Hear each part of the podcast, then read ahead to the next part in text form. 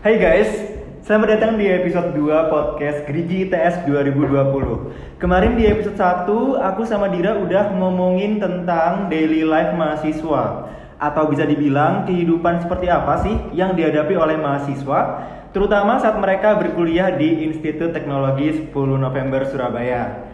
Nah, hari ini kita akan membahas sesuatu yang nggak kalah menariknya Yes, pada episode kali ini kita akan membawakan tema kewirausahaan dan narasumber kita hari ini merupakan alumni ITS yang bernama Mas Ahmed Tesario dan beliau sudah memiliki pengalaman dan bisa dibilang sukses membangun usahanya. Seperti apa sih usaha yang dibangun oleh narasumber kita? Langsung aja yuk kita kenalan. Halo Mas Ahmed, gimana Halo, kabarnya? Mas Ahmed Halo. Apa nih? Mau ditanyain apa nih? Mungkin bisa kenalan dulu mas ke teman-teman Oke. pendengar podcast Gerigi ITS 2020 Oke, uh, assalamualaikum warahmatullahi wabarakatuh. Kenalin nama saya Ahmed Tesario, biasa dipanggil Tesar. Saya lulusan Teknik Kimia ITS tahun 2010, jadi saya angkatan 2006. Terus kebetulan ambil S2 juga di manajemen industri di MMT ITS di 2010, cuman lulusnya 2015 jadi kayak lebih lamaan S2 daripada S1 karena emang nyambi-nyambi. Terus sekarang official di perusahaan sendiri ada satu atap co-working space uh, sebagai shareholder aja terus di Sirtanio Organic Indonesia sebagai CEO di perusahaan itu. Wow, keren banget ya. Keren banget. ya. Ngedengerinnya aja tuh udah Iya. bikin motivasi Sebelumnya thank you banget ya Mas Tesar berarti ya mas ya, Ya, kita manggilnya Thank you banget Mas Tesar udah mau nyempatin waktunya untuk jadi narasumber di podcast Kedigi Tes 2020 Ini santai aja ya mas ya, karena yang grogi itu seharusnya kita. Iya. Soalnya mungkin Mas Tesar ini lagi sibuk banget dan waktu dihubungin sama Daniel juga waktu itu termasuk mendadak ya Mas Tesar kalau kita boleh cerita. Ya, ya. Cuman kita bersyukur banget ternyata Mas Tesar kebetulan lagi di Surabaya, jadi waktunya bisa pas buat bikin podcast ini gitu. Nah, Hmm. em, sebelumnya ada beberapa bahasan yang akan kita tanyakan ke Mas Tesar. seperti Em, tidak terlalu jauh dari kewirausahaan, Mas. Oke. Memang kita podcast kali ini memberikan informasi terkait HDPSDM dan itu salah satunya ada kewirausahaan. Oke. Dan mungkin bisa diceritain Mas Tesar gimana sih Mas Tesar ini membangun bisnis dari awal. Jadi awal mula terbentuknya mungkin kalau Sirtanio. Sirtanio ini Hmm. tadi yang tadi dibilang Mas Tesar, lalu ada satu atap juga ya Mas ya? ya ya Satu atap itu gimana Mas? Boleh dibagikan ke teman-teman mahasiswa barunya? Jadi kalau mm, dua perusahaan tadi itu dua perusahaan yang bisa bertahan hidup sebenarnya. Jadi saya bangun banyak perusahaan teman yang memang bisa bertahan hidup saat ini memang ada dua ada, ada empat sih sebenarnya. Tapi mostly sekarang yang saya kerjain ada dua ini. Uh, anak ITS itu tidak dididik untuk jadi pengusaha. Setuju. Oh iya, setuju. Karena kampusnya kampus teknik. Satu kampus teknik, yang kedua di kampus itu kalian diajarkan untuk menjadi orang yang tough dengan banyak tugas dan banyak kepentingan. I mean kalau misalkan anak te- kalian anak teknik kimia yang dengerin, insya Allah kalau kalian suka kimia anda tertipu karena Kalau nggak ada kimianya sama sekali. Fisika ya, Mas, ya, kalau Fisika salah ya. tapi base-nya adalah kimia. Tapi saya menikmati perkuliahan sangat menikmati perkuliahan sampai akhirnya di semester 7 aku ngerjain skripsi tuh mikirnya habis habis lulus ngapain ya? Hmm. Nah, kerja gue nggak bisa diatur. Nah, kalau misalkan bangun usaha juga bangun usaha apa, tapi saya selalu punya concern bahwa pada saat kamu membangun usaha sebisa mungkin inline dengan apa yang kamu kerjakan atau apa yang kamu pelajari. Karena Oke. menurutku bisnis itu B-nya adalah based on science.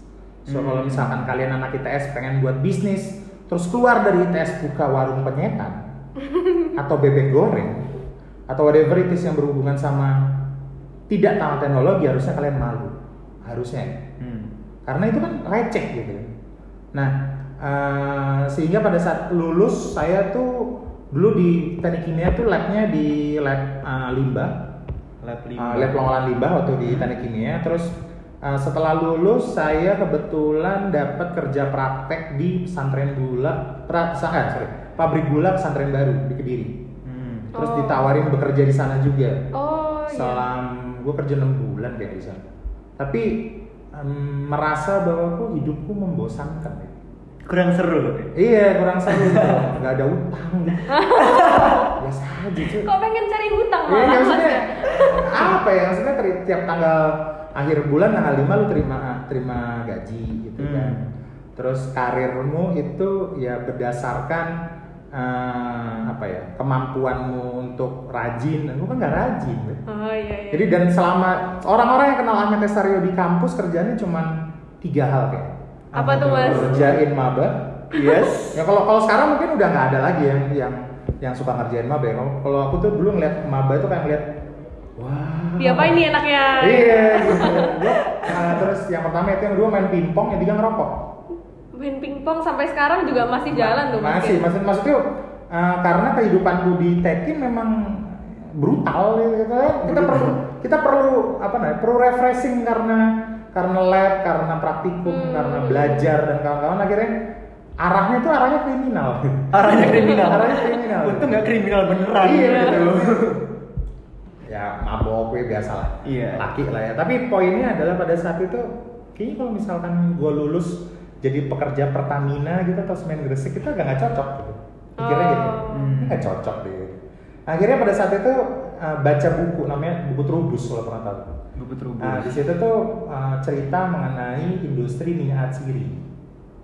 Nah, minyak atsiri itu poinnya adalah dari daun-daunan, whatever itu tuh kayak kenanga, daun cengkeh atau daun. Waktu itu aku memilih daun nilam untuk akhirnya kita destilasi, untuk akhirnya kita ambil minyaknya. Hmm. Kita namakan essential oil. Oh. So, kayak menarik deh kalau misalkan aku buat industri minyak atsiri. Uh, akhirnya dua setelah lu- belum lulus tuh belum lulus gue mulai uh, sorkos sorkos mengenai minyak atsiri karena menurutku sesuai dengan base uh, keilmuanku di chemical kan Oh iya. belajar sampai Bandung Bogor akhirnya ketemu teman-teman di IPB Bogor Hmm. ketemu teman-teman di Bogor gue ngajak tuh eh setelah gue lulus 2010 yuk mulai bisnis minyak atsiri pada saat itu ngomong kayak Eh, modalnya dari mana pertanyaannya kan? Pinjem pinjem duit nih. Gue punya teman yang kaya banget mau minjemin. Dan kebetulan gampang banget waktu itu. Dapat modal dari pinjem temen gitu kan? Terus akhirnya start. Terus pertanyaan kedua adalah mau di mana bisnisnya? Mau kita kerjakan di mana Oh iya. Uh, pada saat itu aku survei di Jawa Timur yang lahannya yang tanahnya bagus untuk pertanian di mana. Akhirnya ketemulah kota Banyuwangi Oh. Oke, dulu tuh belum nggak tahu gue bukan orang Banyuwangi gue orang Sumatera pak Oh. gue lahir di Palembang uh, aslinya Lampung cuman nggak ada nggak ada hubungan sama Banyuwangi sama sekali Hmm. so di 2011 akhirnya gue ngobrol sama teman-teman IPB terus yaudah deh uh, lu ngurus budidayanya gue yang ngurus processingnya gitu kan 2011 tuh akhirnya anak-anak berangkat dengan uang pinjaman itu berangkat ke Banyuwangi seenaknya tuh sewa lahan nyewa rumah yes macak startup lah Jumawa dulu. Ah. Jumawa dong. Dihabiskan dulu. Jalan 2010 akhir kayaknya tuh. Mulai tanam minyak atsiri eh, dan tanggung jawabnya ada di teman-teman IPB kan yang awal budidaya. Oh, waktu itu iya, aku di processing eh berapa bulan panen pertama? Oh 6 bulan ya. Udah berarti ya gue belum harus ke sana dulu. Sambil itu jalan di Banyuwangi gue masih di Surabaya tuh. Gue masuk lab menemukan satu formula yang akhirnya jadi bisnis namanya Green Flame Oke. Green Flame itu pemanas makanan yang digunakan untuk eh sorry bioethanol gel yang digelkan sehingga dipakai untuk pemanas makanan buat catering restoran hotel. Kalau lo tahu kalau misalkan di bawah di kalau lagi cat, apa namanya Prasmanan. pernikahan tuh prasmanan Iya, iya. di bawah ada kaleng. Oh iya. That's mine. Putih Oh, itu ya. oke. Itu, itu gue yang buat tuh. Dan lumayan berhasil karena pada saat itu belum ada kompor listrik.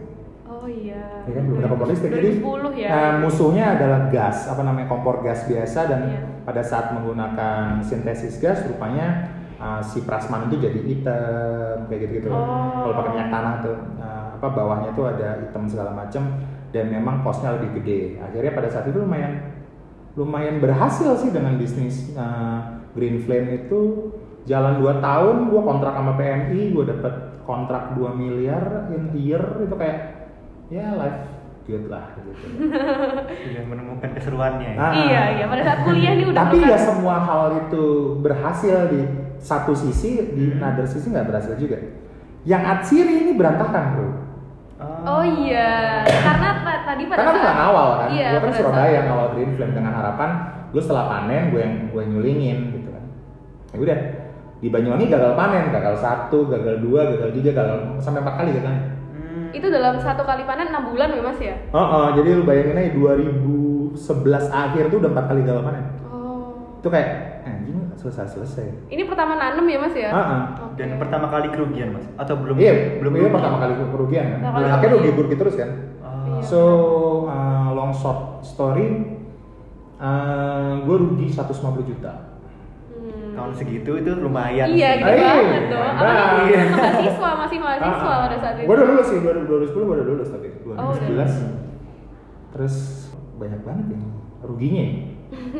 nah akhirnya untuk mengganti uang temanku itu tadi gue gak ada mobil mobil gue punya mobil dari kasih papa terus gue gak ada laku 95 eh kurang 60 kan bang Iya. dari mana nih Waduh. eh 60 dari mana 60 nya pinjam lagi ke teman jadi kebetulan punya teman kaya raya banget Banyak ya mas ya teman kaya Iya, iya, rakyatnya. iya.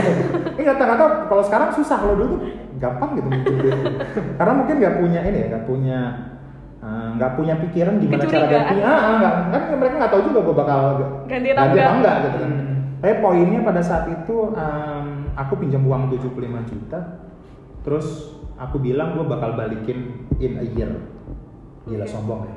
Ada janjinya. ya, Optimis, ya? optimis. Iya berarti in uh, in a month gue harus ngembaliin 6,6 juta. Iya, 6 jutaan. Nah, nah ini mulai stres kak.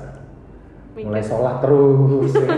sholat jadi Mulai- lancar gitu kan. Ingat, yang maha kuasa. pertolongan. malam tahajud, ya kan, duha nggak tinggal.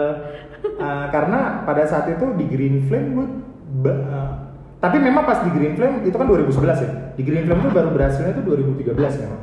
Hmm. Jadi itu kenapa barengan jalannya. Iya, iya, iya, iya. Di Green Flame juga nyari duit buat bayar utang. Di uh, ini gue gimana caranya bisa survive anak-anak di sana. So pada saat gue nanam Atsiri 2000 terus setelah selesai gue ngutang, gue jalanin Green Flame buat bayar utang dan kawan-kawan. Rupanya pada saat penanaman Atsiri gue pakai pupuk organik, Bre. Hmm. Pupuk organik. Nah, gue pakai pupuk organik di situ. Terus kenal sama petaninya. eh, terus karena gue merasa, eh kayaknya Green Flame udah oke buat gue tinggalin, gue berangkat ke Banyuwangi 2012. Gue mengawal eh, yang di Banyuwangi gimana caranya bisa mengembalikan kerugianku lah. Hmm. Dan terluntang lantung sempat 2-3 bulan akhirnya ditawarin sama salah satu petani di sana namanya Pak Saman Hudi lu daripada goblok eh, nggak ngapa-ngapain ya kan? Uh, minyak atsiri lu lu liatin ya kan?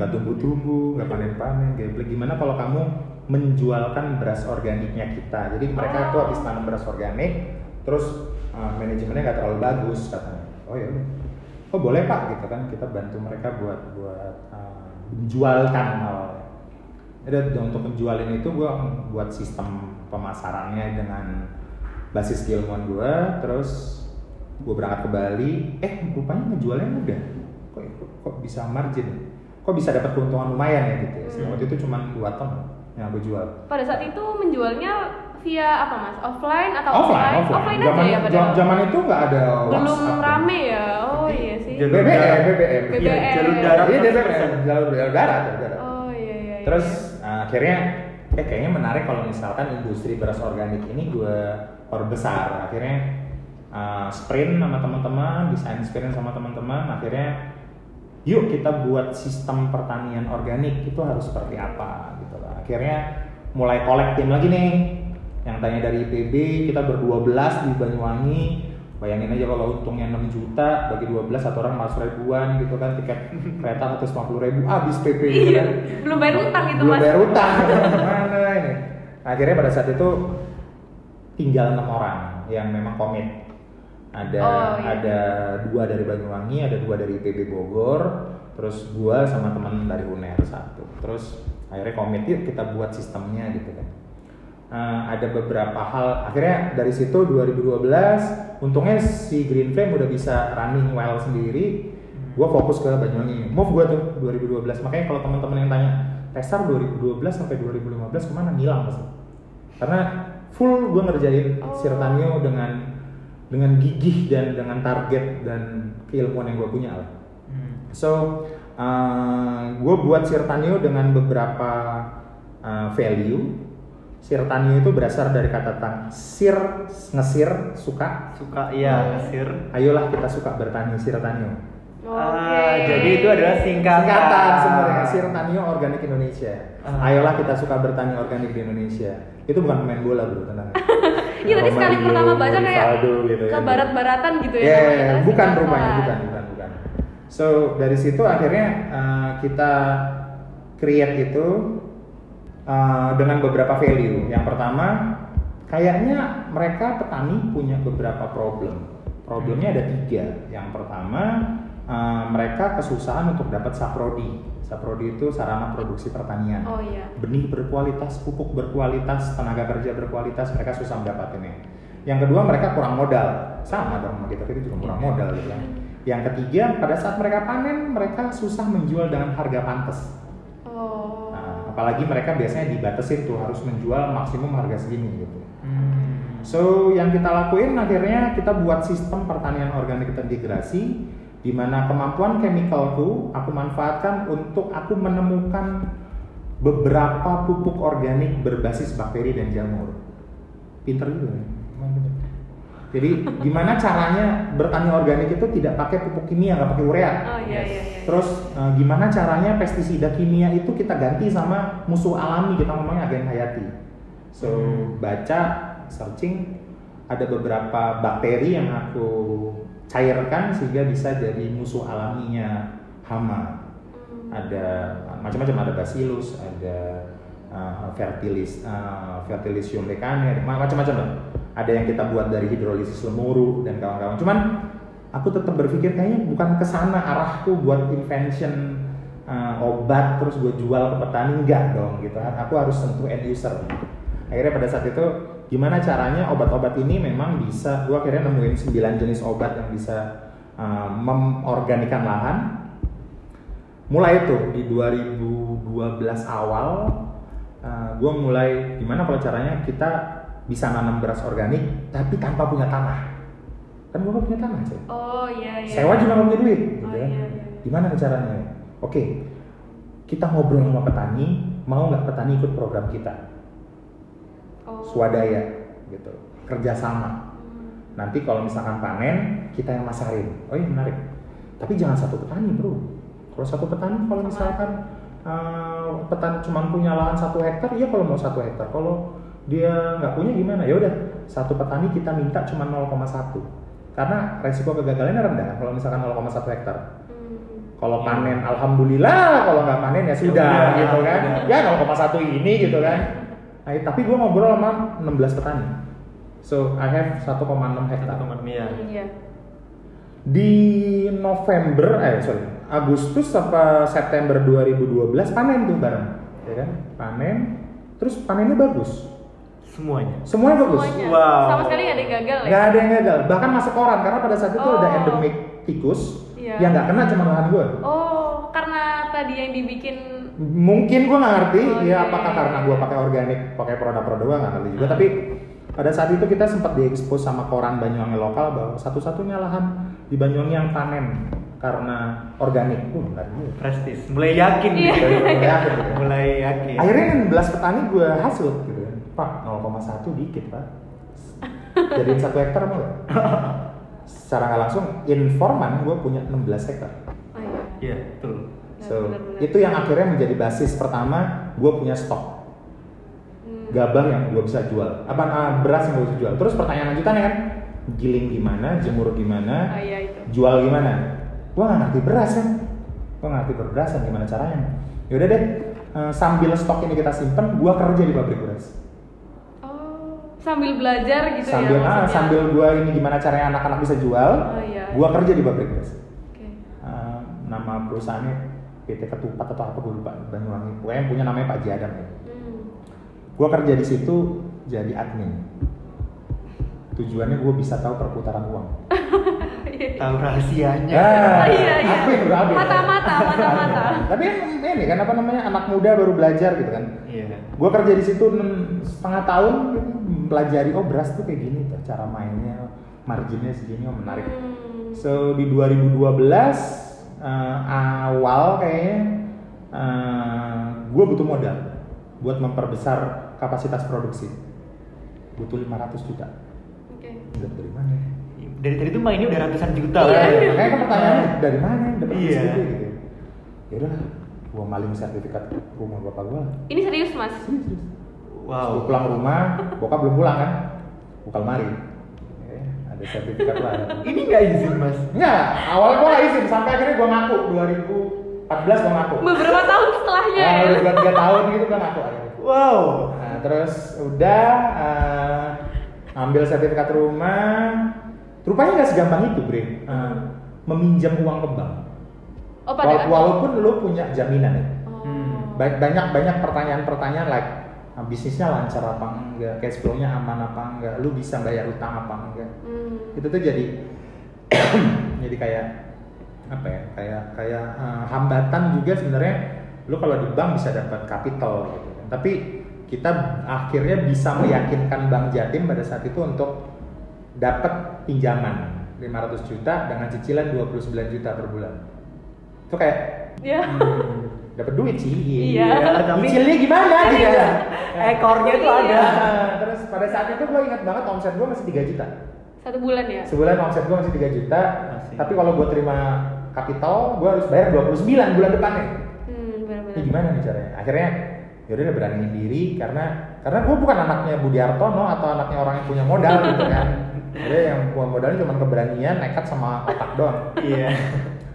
akhirnya 2012 ah, tengah-tengah itu setelah akhirnya dapat 2012 tengah-tengah dapat ah, capital itu dan kita nyusun ini nyusun akhirnya kita nyusun beberapa strategi untuk bisa memperbesar Sirtanio sampai jadi sekarang. So ah, long short story dalam waktu 8 tahun kita udah bekerja sama more than 2000 petani. Ada 400 hektar yang udah kita certified terus kayaknya kita ngejual lebih dari 2 juta ton sampai sekarang Oh. Wow. Luar biasa ya. Perjalanannya Jadi, sama jadi- yang dicapai sampai hari Ah, ini itu tuh. jadi kayak ya maksudnya kalau gue cerita oh di jalan ah, goblok ini rugi ya ya, ya pasti lah ya itu, Iya, itu iya. bisnis gitu kan cuman dengan beberapa strategi yang kita atur itu memang bisa harusnya bisa diminimalisir gitu Hmm. Uh, sedikit cerita aja gue dulu punya strategi bahwa beras gue harus karena kan beras merah ya beras merah dan beras organik itu kan image-nya kesehatan ya Iya iya iya. Nah, kalau kesehatan nyari Benar. nyari produknya Maksudnya- kalau nyari obat di gimana apotek. nah so Iya. aku harus taruh berasku di apotek Oke.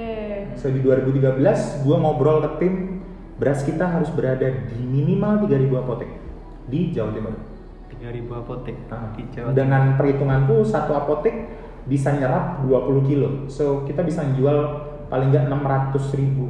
Eh 6 ribu. 6 eh 6, 3 ribu kali 20 60 ribu 60 ribu, 60 ribu iya. kilo.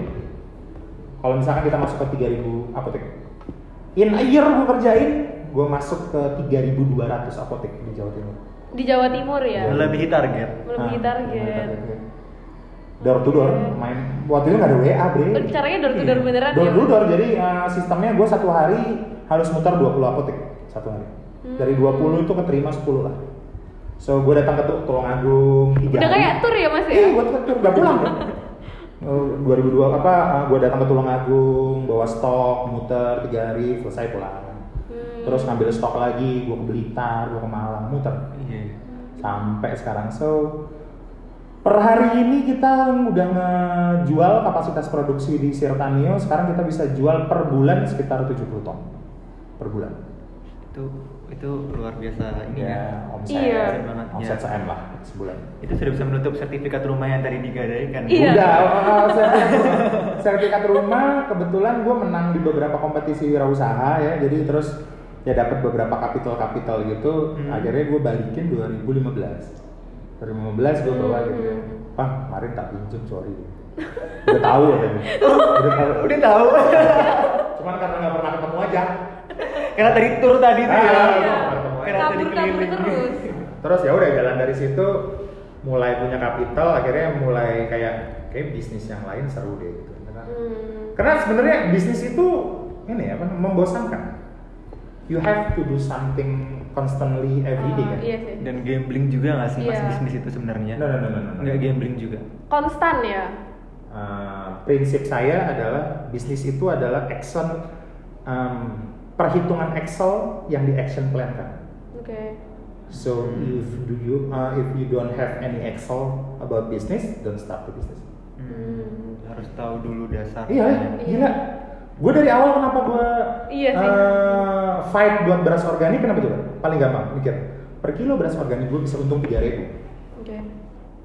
So kalau gue pengen duit 300 juta, gue harus jual 100 ton. Terus Seratus tahunnya. ton. Kalau gue pengen 3 miliar, gue harus jual 3 juta. Just simple like that. Nah. Perhitungan. tiga ribu ton itu doang gitu jadi ya udah lu punya gua punya keilmuan lu punya ca tahu caranya lu mau tinggal dapat duit berapa gitu loh jadi kayak lu misalkan bilang oh 70 ton per bulan kali 3210 juta dong keuntungannya. Iya. Hmm. Gila banget. tinggal dibagi. Iya. tinggal dibagi. Iya. bayar pegawai bayar apa segala macam sisanya berapa ya itu yang buat kita? Tapi harus lu hitung kan? Nggak? Bukan bisnis itu bukan hal yang bisa ah mau start bisnis ah nggak bisa. Paling menurutku ya Hmm. harus ada perhitungannya harus ada perencanaannya dan kawan-kawan menurutku ya karena banyak yang sekarang kayak ah jadi pengusaha keren keren bapak Kalau kalau sukses keren. Kalau Iya, kalau misalkan bisa dapat duit, keren. Karena kalau nggak bisa dapat duit bego, berarti dia nggak dari awal nggak dihitung. Nggak menghitung ya. Itu kenapa Green Flame gua jual 2017. Pada akhirnya dijual. Pada akhirnya- Gua gua oh. jual. Nah, kebetulan uh, gue punya apa namanya paten untuk penemuan itu, buat penemuan uh, bioethanol gel. Bio ya. Oh iya iya. Kan gue patenin. Iya benar benar benar. Gue jual. So what? Itu udah Udah jalan ya, sekitar lima Nah tahun. juga, biasa aja. Gue cuma jual harga 30 juta. Cuma Paten. daripada gue bangkrut, Iya ya benar. udah. Pada saat itu ya. Karena pada saat kenapa gue jual karena uh, ke ke sini di catering nggak pakai spiritus bos, pakai kompor listrik nggak dipakai produk gue. ya udah terus gue gue punya klien gitu kan, uh, dia masih pakai, gue tawarin mau nggak ini cara buatnya gitu. Hmm. Ini caranya ini, ini alatnya gue kasih. Udah berapa? 30 juta ini. Udah dikasih. That's it. Dia harus melihat tren juga ya mas. Iya dong. Perkembangan Iya, tren ini benar-benar. seperti apa? Harus Apakah mengikuti pasar juga gimana? Iya. Ada ada produk yang bisa bisa long last ada produknya. Iya, yang benar, memang cuma short term aja gitu. Maksudnya kalau yang paling gampang ada apa Milo Milo apa es Milo Milo itu loh. Milo, es kepal Milo. Ah, es kepal Milo. Milo gitu kan berapa entry point-nya gampang. Iya benar benar benar. Nah itu yang maksudku tadi kayaknya kalau lu anak ITS mau berbisnis mungkin ilmu pengetahuanmu harus harus dipakai gitu karena entry pointnya susah gitu nggak semua orang tiba-tiba bisa buat bisnis beras organik kan Yes. ya gitu mau bisnis beras organik dari awal udah aduh lahannya di mana modalnya gede Hmm. nggak ada yang tahu kalau gua nggak pakai modal pakai pinjem Iya. Perjuangannya perjuangan meminjam dan membayarnya seperti Ah, apa? ah. nah terus kalau lu utang eh, saran nih jangan kabur kalau nggak bisa bayar. Ini ini learning point ya. Iya, iya, iya, Kalau benar. kamu ngutang nggak apa-apa. Jangan kabur. Cuman jangan kabur. Gue tadi cerita gue ngutang sama temen gue yang kaya ya. Iya iya iya. Lu kira gue tiap bulan bayar? Kagak lah. Lari-larian gitu mas. Enggak. Nah itu bedanya. Gue Oh. lari-larian. Gue bayar utang setiap tanggal 10 Ingat banget. Oh stres gue. Kang Sula habis Tapi setiap tanggal 8 gue telepon. Namanya David. Halo, David. Gue bulan ini cuma bisa bayar 300 ribu. Gue usahain bulan depan gue bisa sesuai. Kenapa dia nggak marah? Hmm, karena gue duluan yang ngomongin. Oh iya sih. Dia nggak ngejar, nggak ngejar aku, dia nggak ngejar aku untuk kapan bayar, kapan bayar. Tapi aku datang, aku bilang aku belum punya uang, aku cuma bisa bayar segini, uh, dan I will fight untuk buat utang ini lunas. Hmm. Kalau sekarang nggak kan kalau utang, kejar, gede Iya, kolektor. dikejar terus. Iya, sampai terakhir rumahnya digadel segala macam. Iya benar. Jadi memang perjalanannya sudah panjang ya Mas Tesar ya. dari tadi awalnya dari industri minyak atsiri dan mungkin poin yang bisa kita dapatkan juga relasi itu penting ya Mas Tesar ya. Ya, ya, Teman-teman ya. di sekitar seperti apa dan juga mungkin ilmu yang kita miliki selama kuliah itu nggak hanya bisa dimanfaatkan di bidang itu. Misal Iya, tadi. Mas Tesar di teknik kimia ternyata ilmu itu bisa disilangkan saat Mas Tesar membangun bisnis kayak sama gitu. kemampuan membaca kondisi juga pada saat itu Mas Tesar merasa kok gagal panen kenapa ya kok gagal Hmm. panen akhirnya mempelajari akhirnya membuat tadi yang musuh musuh Ya. hama ya iya itu Ya. tadi jadi akhirnya bisa sampai panen semuanya Iya, sebanyak benar. 1,6 hektar pertama kali nanam gitu Dan yang aku apa istilahnya ya, yang aku suka adalah dari cerita Mas Tesar tadi sepertinya teman-teman Mas Tesar ini sangat suportif ya. bener bener bener Jadi teman-teman Mas juga. Tesar nggak juga Mas. Ada yang sportif ada yang memang skeptif ya banyak Hmm. yang paling skeptif kalau misalkan kita berbisnis bukan teman orang tua Hmm. Ah. karena mereka yang paling sayang kita gitu ya. Hmm. kenapa mereka akhirnya kayak skeptis karena ya mereka sayang dan takut kita gagal Hmm. lo gue perjanjian loh dulu sama mak bapak gue gimana tuh mas ya mereka PNS kan dokter Hmm. semua dua-duanya gitu kan maksudnya kalau dia mau manfaatkan linknya mereka buat nyari dua kerjaan gampang. Iya sebenarnya. gue juga nggak sebodoh itu gitu loh. Gue bisa nyari kerja di mana pun sebenarnya. Tapi gue perjanjian sama mereka give me two years. Kalau misalkan dalam dua tahun hidup gue masih belum uh, bu- belum sukses lah ngomongnya atau belum mapan atau belum bisa uh, mandiri aku bakal cari kerja. Tapi gue punya prinsip lima tahun memang. Lima tahun gue gagal gue cari kerja kebetulan pas lima tahun gue punya duit jadi gak jadi lamar kerja. Nggak jadi iya. harus dibatasin juga ya maksudnya nggak semua orang bisa jadi uh, pebisnis. Iya benar-benar. Itu betul sih, iya. iya jangan dipaksain nggak usah dipaksain. Gue nggak pernah maksa orang karena itu sebuah tanggung jawab besar pada saat kamu memilih untuk berbisnis. Gitu sih kalau. Bener nggak sih mas? Dulu aku tuh pernah dengar orang yang bilang berbisnis itu sebenarnya kalau nggak punya bakat itu bakal susah. Jadi Bisa bisnis itu jadi. memang bakat gitu. bukan bakat sih Nggak kayak- semua orang. bisa dipelajari tapi poinnya kalau misalkan emang nggak nggak punya sense-nya Ah, agak iya, susah iya. gitu. Karena kan harus konsisten ya nggak Iya, boleh nggak boleh gagal itu. ah udahlah nggak bisa tuh kayak gitu harus benar-benar di kayak bisa, dirawat bisa mungkin kalau bapak lu di Hartono gitu. atau yang Privilege. atau yang mahal privilege gitu. atau uh, lu anaknya mafia negara atau gimana Kita kan sangat muda ah, sebenarnya. gagal gagal aja udah gitu cuman kan saya tidak dong Nah, terus ini mas kan tadi dengar-dengar mas Tesar tuh sudah memulai bisnis tuh sejak 2012 sampai 2015 range itu dan itu pada saat masih MMT kan hmm. Nah, itu coba dong Mas jelasin mungkin ada peran ITS yang Mas Tesar rasakan dalam membantu membangun bisnis Mas Tesar.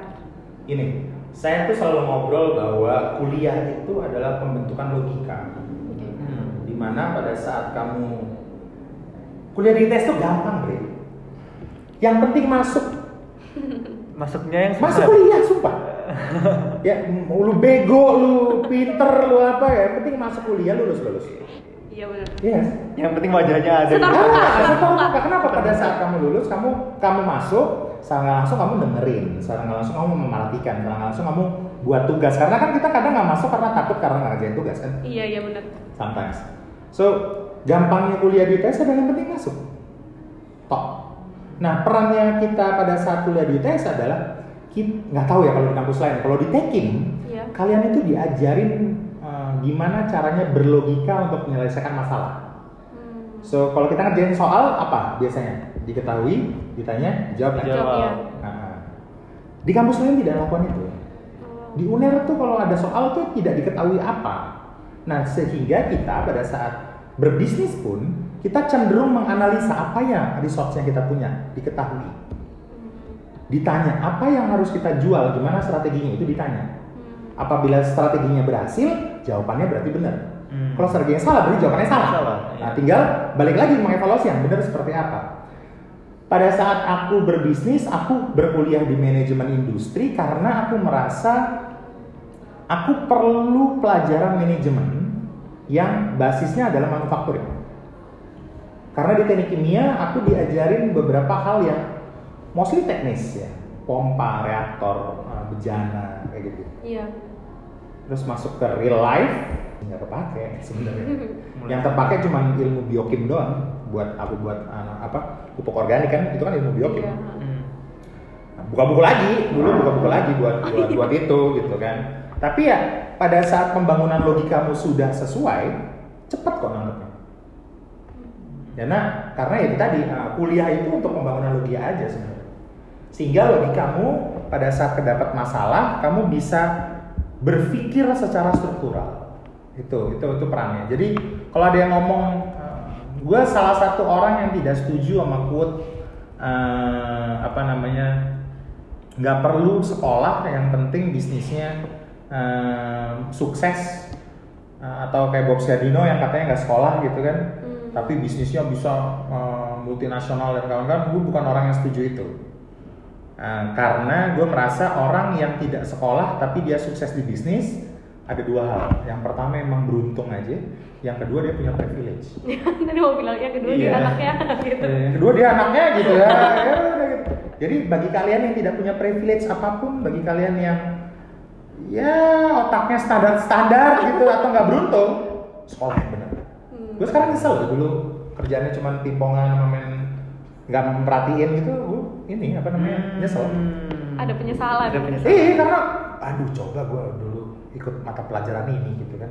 Pasti gue pinter di sini sini. Soalnya pas setelah Hmm, iya. uh, bekerja pun buka buku akhirnya. Jadi kayak ya gue harusnya masih buka game koplis deh Ya, kalau di Tekken tau lah gue masih buka game koplis deh nyari indeks segala macam masih buka akhirnya. Tapi kalau sekarang sih emang cuma ngurusin penjualan doang kalau sekarang Oke. Pernah kepikiran nggak mas? Kayak oh mungkin kalau aku nggak kuliah di ITS kayaknya aku nggak punya nggak akan punya pikiran untuk Membuat mencari ini. ya membuat usaha ini atau mencari langit yang lebih tinggi dari kata bisa mas jadi ya karena uh, dulu itu keluarga gue keluarga dokter Bre. papaku dokter mamaku dokter sekarang istriku dokter Yeay. Eh, maksudnya uh, aku dididik untuk menjadi dokter, Hmm. tapi pas SPMB nggak keterima. Kita di nasib yang sama mas. gue SPMB nggak keterima, gue PMDK waktu itu keterima FKG, terus suruh bayar berapa ratus juta, gue terus bilang sama mama gue daripada sana aku udah keterima teknik kimia cuma udah lima setengah juta dari masuk sini ya beli mobil. Yang kemudian digadaikan. eh, mau gue ada ini juga. Tapi uh, kalau ditanya beruntung masuk ITS, beruntung banget. Aku tuh nangis loh dulu lulus. Kenapa gue lulus sih bang? Wow. Masih pengen kuliah. Iya karena karena karena aku merasa kampusku tuh rumah. Jadi aku aku merasa bahwa eh, aku dapat saudara di di nggak tahu ya kalau pengkaderan sekarang tapi zamanku di K46 dulu di Tekim aku merasa punya saudara aku merasa Tekim tuh rumah gitu gue ngekos di di Tekim gitu Oh dulu ngekos mas? enggak maksudnya gue tuh tidur di kampus Oh. Sampai tidur di kampus Wow. gitu. Berteman sama penjaga sekolah gitu Hmm. terus eh, mengusahakan teman-teman gue lulus Hmm. itu kayak gitu Oke, jadi itu tadi teman-teman mahasiswa baru ITS 2020 memang em, masuk ITS itu sangat beruntung. Jadi mungkin jangan menyesal buat teman-teman mahasiswa baru ITS 2020 yang mungkin tadinya ini Mas Tesar di keluarganya keluarga dokter. Cuman Mas Tesar berani berbeda untuk masuk teknik kimia dan ternyata nggak salah. Dan ternyata justru itu malah membantu Mas Tesar dalam membangun bisnis gitu. Karena keilmuan tekim tadi meskipun tidak semua dipakai tetap ada yang bisa ngebantu ya mas ya? Ya meskipun nggak semuanya gitu. Oke jadi luar biasa sekali ya eh, obrolan dengan Mas Tesar kali ini. Karena memang perjalanan dari Mas Tesar ini benar-benar harus kita istilahnya apa ya pelajari ya nggak Pelajari. nggak bisa semuanya lancar gitu harus ada pengorbanan tadi dari gade mobil Sebenarnya seru banget loh berjalan bisnis Mas Tesar tuh. Tadi gak ada mobil, gak ada seru kalau udah dengerin ceritanya mah Ya menjalani kalau ya. lu jalanin ya ada Makanya balik lagi, lu memilih pebisnis itu jadi terkenal atau jadi kaya? Gue memilih jadi kaya. Kaya aja. Gue gak memilih jadi terkenal. pun sepertinya juga akan memilih hal yang Oh sama. belum tentu, belum tentu. Karena belum ada di posisi itu nggak Bukan pada saat kamu menjadi orang kaya dan tidak punya nama. Oh iya sih. Kekuasaan itu menjadi hal yang Iya, kamu bener-bener. inginkan. Ngerti gak sih? Itu kayak kayak kayak kayak hasrat yang, lo kan gue punya uang, kenapa gue nggak bisa terkenal? Iya. Terkenal gitu ya gue pernah, nah untungnya gue udah pernah terkenal. Ngerti? ya? Hmm. kita ngomongnya sebagai kita su- aku sudah pernah mendapatkan penghargaan. Orang yang kaya tapi tidak terkenal, mostly mereka tidak pernah dapat penghargaan. Sehingga mereka miskin penghargaan. Pada saat mereka miskin penghargaan, cenderung mereka cari perhatian. Hmm. Beli Lamborghini, beli Ferrari, yang sebenarnya nggak penting gitu kan. Nah, eh, alhamdulillahnya aku udah pernah dapat penghargaan di beberapa kompetisi bisnis sampai gue 2011 dikirim ke eh, Korea untuk aku dapat penghargaan sebagai eh, apa namanya pebisnis dengan ide inovatif nah, lewat British Council terus gue berangkat ke Korea dibiayain 10 hari Wow. dan gue dapat penghargaan di situ. Terus 2012 gue dapat wirausaha muda mandiri nomor eh, juara satu. Gue menang dan Dana Mon Social Trainer Award gue menang beberapa sampai batas maksimum semua kompetisi bisnis Indonesia gue udah menangin. Wow. Terus gue udah gak butuh penghargaan lagi, cuy gue butuh kaya. Iya. Udah pernah merasakan. Udah pernah ngerasain. Terus yang Diplomat Success Challenge. DSC tau? Oh, iya. yang diplomat? Gue emang gak pernah menang di situ tapi sekarang gue adalah orang yang tanda tangan untuk ngerjain programnya. So what gitu kan. Istilah, tapi ya itu tadi balik lagi based on business gue gak perlu terkenal gue butuh jadi orang kaya. Sih nah kalau ditanya ya aku juga pengen jadi kaya mas. Belum tentu. Kalau misalkan jadi kaya aja cukup ya nggak perlu itu orang-orang berlomba-lomba jadi wali kota. Iya. kan udah kaya. Iya. ngapain karena mereka butuh penghargaan. Setuju nggak mas kalau sebutan uang itu segalanya? benar. Benar. tapi tanpa uang segalanya bukan apa-apa. Uang itu bukan segalanya. Tapi tanpa uang segalanya bukan apa-apa. Uang itu perlu. Tapi bukan segalanya.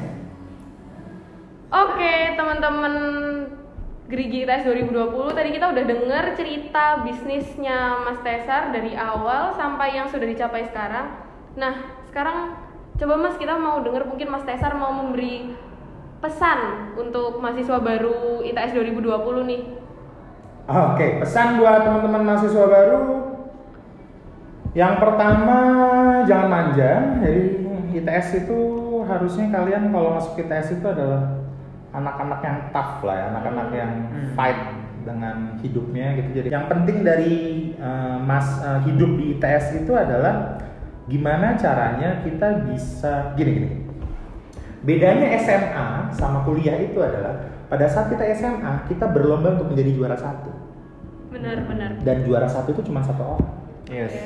Kalau di tempat kuliah, yang bisa IP 4 itu bisa semua. Benar sih. Hmm. So, don't be individualis, bantu teman kalian untuk dapat nilai yang bagus juga, kalaupun mereka nggak mampu.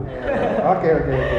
Jadi pesannya tadi yang penting adalah jangan manja itu yang pertama. Yang kedua adalah jangan individualis dan selalu membantu teman kalian. Membantu ini luas, terserah kalian membantu seperti apa. Cuman saran dari Mas Tesar tadi itu salah satunya.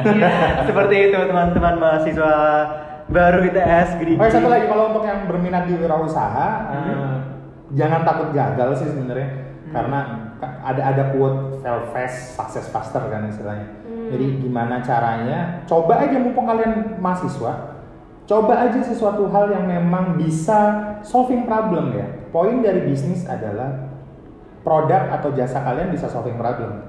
I mean, pedagang tempe penyet kan solving problem kelaparan juga. Iya. Yes. Ya Iya. kan gitu. Hmm. Gue jualan beras, gue solving problem tani. Gue jual, gue punya co-working space, gue solving problem startup. Tapi kalau kalian mau buat pro, apa bisnis, ya harus solving problem dong. Kalau memang problem yang kalian angkat itu receh, gak usah jadi anak ITS bro. Wow. Oke. Oke, terima kasih Mas Tesar untuk Ya, waktunya. Semoga apa yang dibagikan oleh Mas Tesar ini sangat bermanfaat untuk teman-teman mahasiswa baru yang masih ingin memulai perjalanan kampusnya. Dan sebelum kita Jangan lupa follow Instagram saya juga. siap, boleh Mas, boleh banget Langsung promosi. disebutin aja, Oh Mas. iya kan, Nah, Instagram pribadi di Ahmed underscore Tesario. Nah, di perusahaan ada di @sirotanio sama @satuatapsby. Bisa Oke. follow. Siap, akan didengarkan oleh 13,4 followers Iya, Gerigi. Banyak. Thank you banget ya Mas Tesar. Sebelum kita berpisah nih, kita ada jargon Grigi Mas Tesar. Apa itu? Jadi eh, nanti kalau mungkin Dira bilang Grigi ITS, jawabnya bersama bersinergi Jaya Alma Materku. Lalu nanti ada Vivat, masih ingat Vivat kan mas? Ya, hidup ITS tiga kali. Iya. Yes, tidak diragukan ya. Iya. Oke, boleh langsung aja Ber, ber, bersama bersama bersinergi bersinergi Jaya Jaya Alma Alma Materku. Materku. bersama bersinergi Jaya Mata Oke. Ya, harus semangat ya mas ya. Ini untuk semangat teman-teman mahasiswa baru juga nih supaya sama semangatnya sama kayak Mas Tesa. Gimana siap? Siap. Grigitas. Bersama bersinergi Jaya Materku. Vivat, hidup ITS, hidup ITS, hidup ITS. Terima kasih Mas Tesa. selalu ini sih nggak konsisten gitu? Kan itu tiga kali kan? Ya udah tinggal hidup ITS tiga kali. Oh, aduh, aduh, bener Thank you. Terima kasih